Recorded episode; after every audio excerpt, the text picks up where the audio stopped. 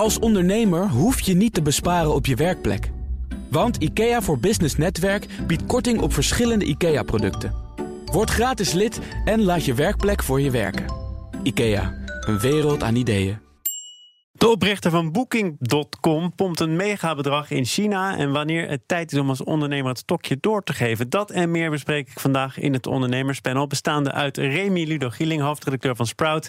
En Remco Jansen, verbonden aan Silicon Canals en Proudly Represents. En uiteraard ook nog hier is mijn zakenpartner Elske Doets, eigenaar en directeur van Jan Doets Amerika Tours. Ja, allemaal mensen die weten hoe het hoort. Dus jullie eigen nieuws. Remy, waar wil jij mee aftrappen? Nou, ik heb eigenlijk geen nieuws, maar wel een mooi verhaal Oh, wat ik met je hmm. wilde Ik delen, niet. Thomas. Ik ga het gewoon proberen. Ik was onlangs in eh, New York eh, voor een concert van Billy Joel. Dat is iets heel anders. Maar ik dacht, ik ben er nu toch en het is wel leuk om even bij een paar ondernemers langs te gaan. Eh, en ik wist dat de jongens van de correspondent daar tegenwoordig Ja. naartoe zijn gegaan. Die zijn ook hier nog geweest om hun lancering in Amerika groots aan te kondigen. nou, toe te lichten, aan te kondigen. Ja, daar kies je natuurlijk BNR Zaken doen voor. Begrijp ik ook wel. Precies, precies. Nee, en ze zitten er nu nou, bijna een jaar. Eh medeoprichter Ernst-Jan Fout, zijn, zijn medeoprichter Rob Wijnberg en, eh, en, eh, en, en Harold. Dat is eh, de, de mede-eigenaar, maar heeft ook nog eens een ontwerpstudio Momkai. En ik vond het wel een gaaf verhaal, want ze hebben dus eh, een jaar de tijd genomen, voor zichzelf gegund, om eerst de Amerikaanse markt te gaan onderzoeken. Je denkt, hè, de correspondent is hier redelijk succesvol. 60.000 leden die allemaal 60 euro per jaar betalen. Eh, dat concept willen ze ook naar Amerika gaan tillen. En eh, ze hebben dus niet bedacht van we, we, we copy-pasten die site eventjes. Nee, we nemen echt een jaar de tijd om samen met Blue State Digital, dat was het campagnebureau van, van Barack Obama, om met die partij samen te gaan kijken hoe kunnen wij onze propositie nou echt laten landen op de Amerikaanse markt. En dat vind ik wel, eh, dat vind ik wel ballen. Dus eigenlijk eh, bezint eer begint. Exact. En dat het dan ook nog lukt. Want wat is de laatste stand van zaken? Je hebt ze daar ontmoet. Ja, nou, ze, eh, eh, ze willen het komende half jaar willen ze, eh, de campagne los gaan laten. Ze hebben inmiddels een slogan, Unbreaking News, hebben ze bedacht. Ja, er moesten ook celebrities aan boord, hè? volgens mij. Om het Ja, daar ja, in Amerika te laten Precies, slagen. allemaal influencers, lokale influencers moet je daar dan weer, weer vinden.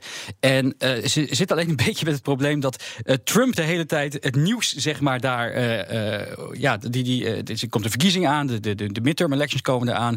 Trump heeft elke dag de, de, de voorpagina's. Ja, daar, daar, daar hoef je geen jaar onderzoek voor te doen. Nee, maar het is, wel, het, is van wel, het is tevoren. best wel een moeilijk moment om zeg maar, te kiezen wanneer ga je dan los met de campagne. terwijl iedereen constant in een soort van totale hysterie bezig is met de politiek. Goed.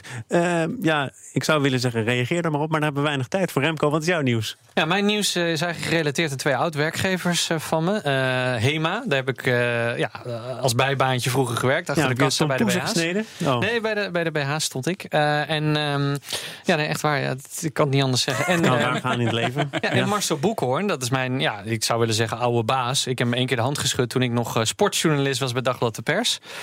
Ehm, wat ik daar zo bijzonder aan vind, is dat. eh, bijna een soort proto-fascistoïde manier hadden ze dat 100% Nederland. Hè?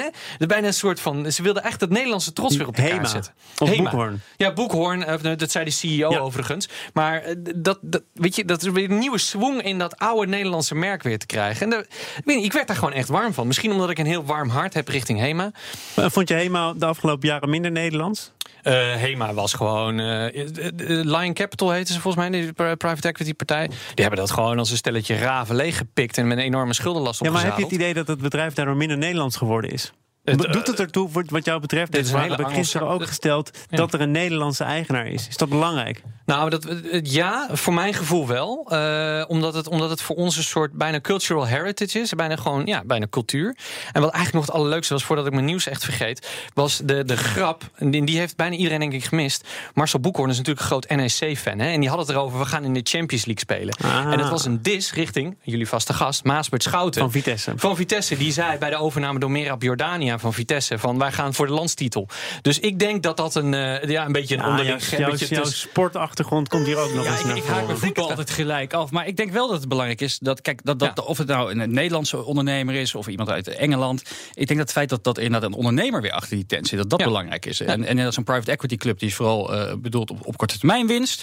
Eh, die wil het op een gegeven moment gewoon weer door gaan verkopen. Ehm, maar dat, de, de, dat er iemand is met een visie die echt iets wil gaan doen met dat merk, dat is wel gaaf. En Marcel Boekhoorn een geslaagd ondernemer. Dus ik ben benieuwd wat hij mij van Het is jou ook opgevallen, hè? Die deal Ja, van Hema zeker. en Boekhoorn. Ik had het ook inderdaad eh, niet, niet als nieuws nu, maar als optie. Wat ik heel Ja. mooi vind eraan is dat het iemand is die heeft een heleboel dingen geprobeerd. En er zitten hele grote successen tussen, maar ook mislukkingen tussen. En je moet dingen proberen om verder te komen. En dat eh, vind ik echt eh, ondernemerschap. Maar Remco, jij bent betrokken eh, via de pers dan bij iets wat niet helemaal gelukt is. Ja. Toch? Nou ja, dat was natuurlijk een waanzinnig fiasco. En daar, daar gierde Nou, dat het wil ik geld nog niet eens zo zeggen. Maar Nee, goed. dat was, dat was een fiasco. Dat was financieel vooral. Hè. Daar, het geld gierde de alle, eh, alle kanten eruit. Naar En dat- jou. Nou, nou ja, ik, ik, ik verdiende echt schandalig weinig. Dus het ging niet naar mij. Nee, maar we, we zouden 35 man redactie hadden, hebben. En op een gegeven moment zat er 60 man. En eh, de, zeg maar de, de afdeling advertentie was heel goed in partyen en dure clubs. We hebben nog eens een keer daar behoorlijk wat champagne en, eh en eh wodka bitter lemon in de VIP-tafel zitten wegdrinken. Dan bleek uiteindelijk op de corporate creditcard te gaan. Dus ja, dat soort feestjes heeft Boekhoorn daar ook allemaal een beetje gefinancierd. Nee, dat was... eh nee, dat zijn niet voor niets Dus Hema wordt een hele leuke tent om voor te werken straks. Ja, dat denk ik Ah, wel. dat Ja, in de goede feestjes. Wij gaan ik. naar het nieuws worst. Elske. Goed, ja, we hebben het net over Nederlandse trots. Ik ga even naar Amerikaanse trots. Ik was gisteren op een iets netter feestje bij eh, Piet Hoekstra, de, of de Amerikaanse ambassadeur in Nederland. Lunchen bij hem thuis met een groep ondernemers, omdat United Airlines, een groot Amerikaans bedrijf, 25 jaar om Nederland eh, vliegt. En de piloot. Eh, dat is Jolanda Witvloed uit Utrecht. Die eh, was degene die de eerste vlucht deed in 1993 vanuit eh, Washington naar Amsterdam. En die vloog de kist gisteren weer. En wat vind ik zo leuk aan haar? Zij moest in 1980, het is ook wel een beetje triest, Nederland verlaten. Omdat ze in Nederland geen piloot kon worden als vrouw. En, eh, 1980? In, in 1980. En zij maakt zich eh, bij United sterk voor eh, diversity inclusion. En bij United eh, is slechts 7,4% vrouwelijk piloot. Dat is wereldwijd 6%. En bij onze niet meer helemaal nationale trots, de KLM, 5%. Ik, ik ben wel benieuwd zeg maar, hoe zo'n lunch dan is. Want die Piet Ja. Hoekstra is natuurlijk wel een beetje een maffe gast. Ik, ik had de eer om naast hem te zitten, Kijk, dus ik heb hem uitgebreid gesproken. Ja? En eh, ja, het is een eh, directe Amerikaan die ook binnen 10 minuten zijn wensen bij mij neerlegde. Die had hij natuurlijk een boodschappenlijstje. Tuurlijk, tuurlijk. Heeft, heeft, hij nog wat, heeft, heeft hij nog wat fake nieuws over de tafel gegooid? Nee, nee, daar gaat, het niet natuurlijk over niet, jij gaat natuurlijk niet eh, uit de school klappen, maar er wordt hier gezegd het is een beetje een maffe gast. En we kennen hem inderdaad allemaal omdat hij eh, interviews heeft gegeven waarvan je Ja. kunt afvragen, was dat nou wel zo slim? Ja. Is het wel een goede ambassadeur? Dat vind ik te vroeg om te zeggen, maar hij heeft 18 jaar in het congres gezeten. En hij heeft in een belangrijke commissie gezeten. Spreekt hij nou Eh, Nederlands eigenlijk? Nee, nou, hij kan Nederlands, Hij kan maar Nederlands. ik spreek Engels met hem. Oké. Eh, dat is Jolanda. Witvliet, die is ook Nederlands. Die sprak nog wel zodanig Nederlands dat je een business talk kon hebben. Ja. Maar goed, hij heeft in een belangrijke commissie gezeten op het gebied van eh, eh, ja, veiligheid. Ja. Eh, dus, eh, Hij dus kan wel wat. Hij zou wat moeten kunnen. hij zou wat moeten kunnen. eh, maar hij hoort zichzelf graag praten. En daar zit jij dan naast. hebben wel meer Amerikanen last van, geloof gaan, eh, we gaan het in tweeën knippen, want we gaan zo meteen ook naar het, eh, het blokje commercials, maar ook naar de oprichter van Booking.com. Kees Kolen is dat. Die pompt 1,6 miljard euro, miljard euro in een Chinese batterijfabriek. Eh, en is dat te begrijpen? Of eh, moeten we hier ook iets bij voelen van ongemak? Waarom doet hij dat niet in Europa en wel in China, Remy? Nou, hij heeft een best wel uitgebreid interview gegeven. Ik weet niet precies waar. Maar daarin zei hij ook dat het, hij het met de liefde hier in Europa had willen doen. Maar dat hij door de bureaucratische romslomp van overheden en eh, partijen het niet voor elkaar kreeg. En de Chinezen zijn gewoon wat pragmatischer. Die zijn naar, naar hem toegekomen eh, met een, eh, een mannetje van acht delegatie. En, en binnen een enkele, een halfjaartje tijd was de deal beklonken. Dus de, de slagvaardigheid van, van China eh, heeft erg in een voordeel gewerkt. Ja, en diezelfde slagvaardigheid heeft zo af en toe natuurlijk ook een keerzijde. ja. Maar daar hoef je je als ondernemer niet zoveel zorgen over te maken. Mm, Het wordt een heel ethische, Nou. dis- ethische discussie dit eigenlijk. Ja. Ja. Eh, nou, ik ken verhalen van mensen die inderdaad eh, Chinese investeerders hadden. En als die het op een gegeven moment niet meer pikken, dan trekken ze gewoon de stekker eruit. Hè? Ja. Of dan zetten ze je aan de kant, eh, gewoon bij het oud vuil. Dan doe je ook niet meer mee. En ja, dat zie je natuurlijk, sorry, weer eh, in de voetballerij bij ADO Den Haag natuurlijk net zo. een enorme soap. Ja, die Ja. hadden een Chinese eigenaar. Ja, nou ja, kijk, en daar, daar moet je wel mee weten te dealen. En dan moet je ook van tevoren wel. eh, ja, en Kees Kolen is natuurlijk geen kleine jongen. Maar Ja, ik, ik vind het behoorlijk riskant. Hij heeft hier ook gezegd in dit programma, hij was drie weken geleden te gast. Ik wil inderdaad hier in Nederland wat doen. Ik wil in Europa wat doen. Maar ik heb het gevoel dat overheden niet begrijpen wat ik wil, wat mijn bedrijf nodig heeft. Ik wil ze er wel bij betrekken, maar er is een te grote afstand tussen inderdaad de bureaucratische molen en waar ik als ondernemer behoefte aan heb. En in China is die afstand er niet. Nou, in Europa zijn we gewoon nog heel provinciaal. Letterlijk en figuurlijk. Hè. We, het stikt in ieder geval in Nederland van de provinciale uh, innovatiefondsen. Maar gewoon een overkoepelende visie vanuit Europa... waar we met technologie naartoe moeten. Die ontbreekt nog grotendeels. Of die is in ieder geval nog niet zo bekend.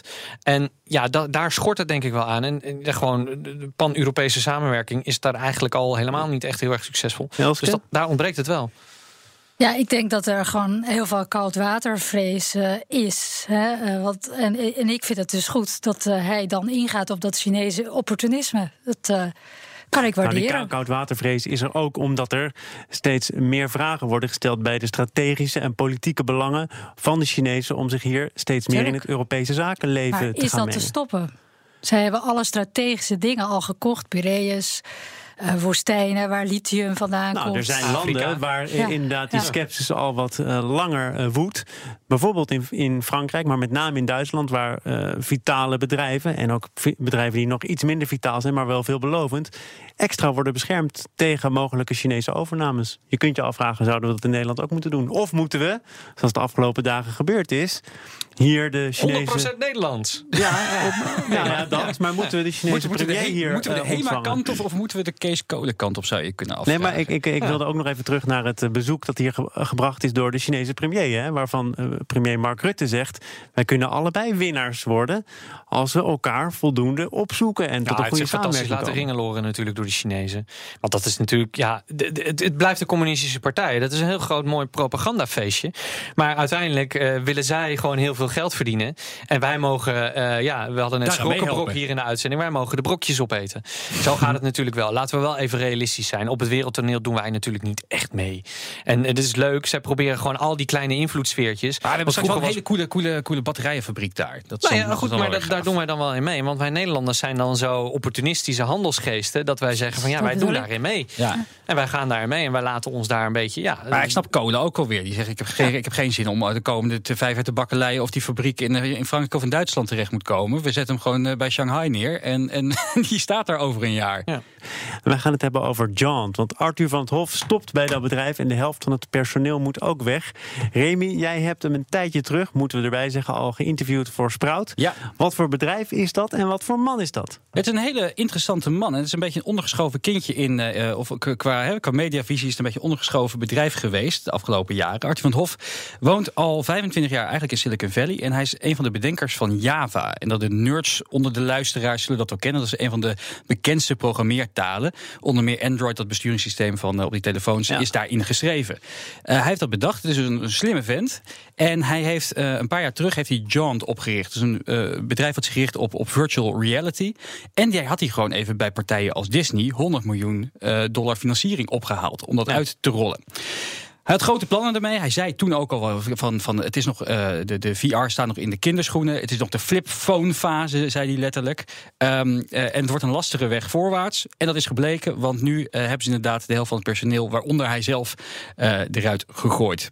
En waar is het dan misgegaan? Is het inderdaad misgegaan omdat ik ook al heel lang hoor, nee, het, het staat op punt van doorbreken. We gaan het allemaal meemaken, maar dat moment komt maar niet. Nee, wat, wat, wat hun visie eigenlijk was, is dat ze een soort van de Netflix voor virtual reality wilden worden. Dus hadden een platform. Ze hadden, de camera's om de, om de, om de VR-ervaring. Uh, je, zet, je zet dan zo'n bril op en dan kan je overal om je heen kijken. En dan heb je een film niet in een platscherm voor je, maar is overal om je heen.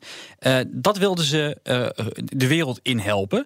En als een soort van ja, de Netflix voor de virtual reality content. Maar ja, ik, ik, ken ook eigenlijk niemand die uh, zaterdagavond op de bank gaat zitten, zo'n bril opdoet, uh, uh, samen met, met, met, met het hele gezin. En iedereen die, die voor zich een, een, een VR-film nee, gaat maar bekijken. Goed, wij, jij kent niemand, ik trouwens ook niet. Kennelijk waren er grote bedrijven die er zoveel vertrouwen in hadden dat ze dachten, we hebben daar 100 miljoen voor over.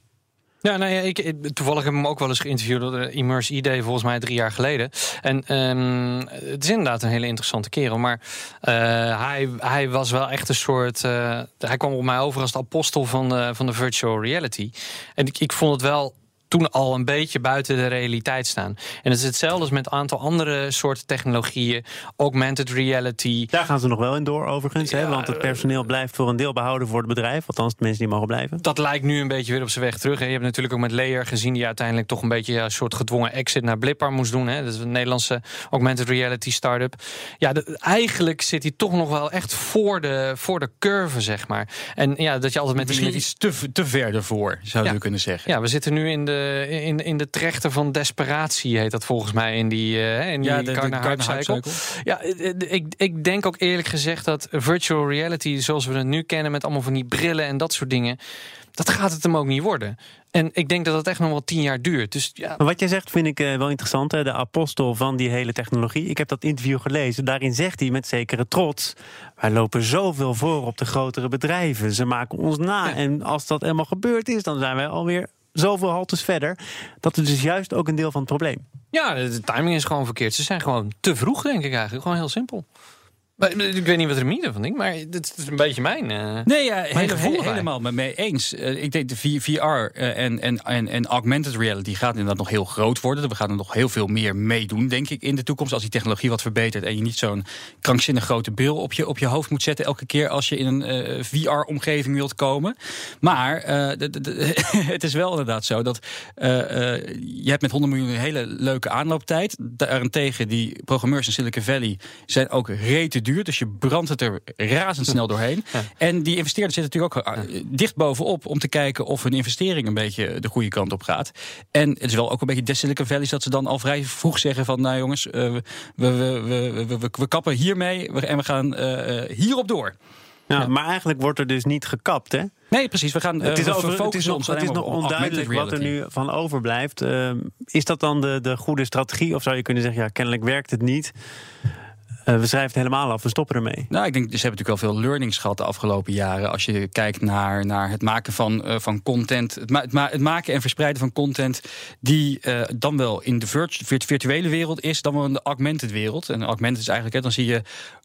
je ziet gewoon de wereld om je heen. Maar in plaats van dat je een, een witte muur ziet, zie je daar allemaal informatie Ja, op kom op, hoe heet het ook alweer? Die dingetjes die we allemaal hebben gezocht. Die- Pokémon ja, precies. Dat, dat, Ja, dat, was- dat is de bekendste dat- toepassing. Precies, dat was augmented. En daar Ja. willen ze dus op, op gaan focussen. Eh, en Pokémon Go wil laten zien dat, dat, dat er inderdaad echt een, een goed verdienmodel achter Ja. kan zitten.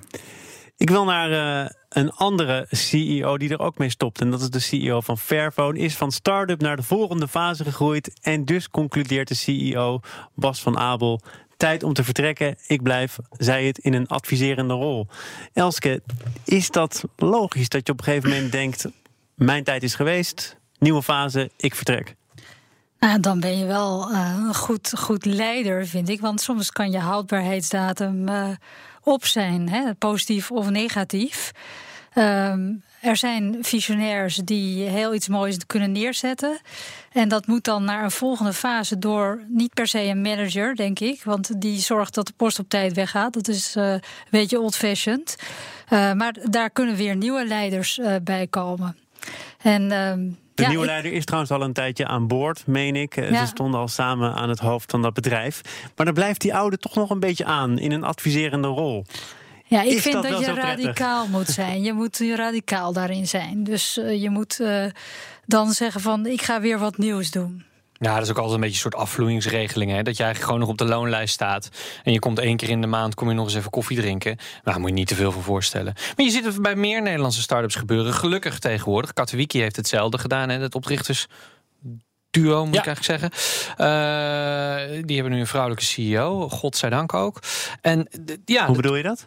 Nou ja, dat er vrij weinig eh, Oh, vrouwelijke CEO's zijn. Maar een aantal grote scale-ups in Nederland heeft wel een vrouwelijke CEO. Dus dat is heel mooi. En ehm, ja, ik denk dat dat ook wel... Weet je, jij zegt heel mooi over die visionair. Dat is een beetje net zoals Microsoft. Ehm, Bill Gates is natuurlijk de grote visionair. En eh kom, hoe heette die, die, die jongen met die, eh, met, met die dikke kop die daarna... Steve Ballmer. Steve Ballmer, ja. Die had van die fantastische shows die eigenlijk... Fantastisch. Ik heb, Ja. ik heb lang een, een foto van hem aan de muur gehangen. Gewoon puur Ja. ter, ter ode aan inderdaad. Die, Hij heeft daar eigenlijk die money moneymaking... Kees, ja. maar hij heeft er de moneymaking machine van gemaakt. En dat is natuurlijk wat elke, elke start-up uiteindelijk moet hebben. Die visie in het begin moet gedragen worden. Om zeker in het begin die mensen mee te krijgen, de markt mee te krijgen. En dat, dat, is, dat is denk ik, ja, Bas van Heet hij, hè? Ja, Uh, is hem gelukt. Alleen ja, nu moet er iemand gaan die er ook echt een bedrijf van gaat maken. Ja, maar het siert Bas wel enorm natuurlijk dat hij deze keuze maakt. Hij heeft ook een hele, hele mooie brief over geschreven om die keuze toe te lichten. Hij zei ook, de, de afgelopen jaren waren verschrikkelijk zwaar. Hij heeft er ook gezondheidsproblemen doorgekregen. Er is nog een aflevering ja. van tegenlicht geweest over de perikelen bij Fairphone. En, en daar zie je ook hoe moeilijk het uiteindelijk is om dat bedrijf uh, boven water te houden. Ik kan aanraden om dat, dat die nog een keertje terug te kijken. En, um, uh, uh, maar ik vind het niet per se heel gek dat die man nog in een adviserende rol blijft. Want je zag dat ook bij Microsoft, Paul Allen, hè, die net is overleden. Uitvinder van de muis. uitvinder van, oh. van, van, van, van, van, Ja, is het, is het zo? Ja, zeker. Dat, Mooi geek claimt hij. Dat, dat, dat, claimt hij, dat claimde hij. Ja. die, die was al in de jaren tachtig. Was hij, was, hij, was hij niet meer betrokken bij Microsoft, alleen nog in, in, in, in een adviserende rol. En dat zie je toch natuurlijk wel vaak terugkomen. Dat de oprichters, maar ook omdat ze nog zo'n groot belang in het bedrijf hebben qua aandelen, ja. wel een, uh, een, een vote hebben in de, in de, in de board. Hebt, hè? Ja, ja, ja terugkerend thema. Ja, precies. Maar er wordt hier wel gezegd, uh, er zijn hier dus tegengestelde meningen. Namelijk, jij zegt radicaal breken, jij zegt blijf aan als adviseur. Ja. Nou, ik, ik kan me voorstellen, als je zo'n groot uh, belang hebt dat het bedrijf, dat, dat, het, dat het bedrijf nog voor de helft van jou is, dat je wel in een soort van board of directors kan.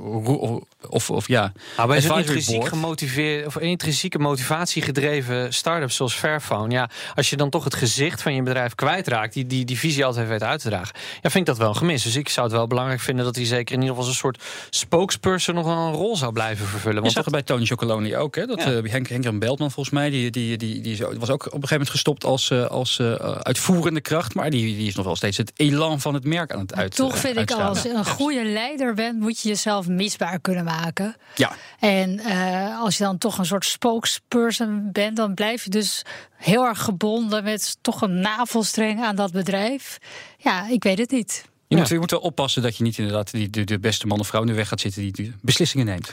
Er is heel veel besproken door het ondernemerspanel. En dat bestond uit Remy Ludo Gieling, hoofdredacteur van Sprout... en Remco Jansen van Silicon Canals en Proudly Represent. Jij, ik moest je altijd zeggen dat je de hoofdredacteur was van Silicon Canals. Ben je ook niet meer? Heb je ook een stap terug gedaan? Nou ja, ik heb een stap vooruit gedaan. Ik heb mezelf oh. benoemd tot uitgever en ik heb een hoofdredacteur benoemd. En dat, dat geeft heel veel rust, dus dat is best prettig. Ook een visionair. Leiderschap. Ja, ja leiderschap, om het even rond te maken. En uiteraard ook dank aan mijn zakenpartner van vandaag, Elske Doets... voor de derde keer en voor de derde keer goed. Fijn dat je er was. Als ondernemer hoef je niet te besparen op je werkplek. Want IKEA voor Business Netwerk biedt korting op verschillende IKEA-producten. Word gratis lid en laat je werkplek voor je werken. IKEA, een wereld aan ideeën.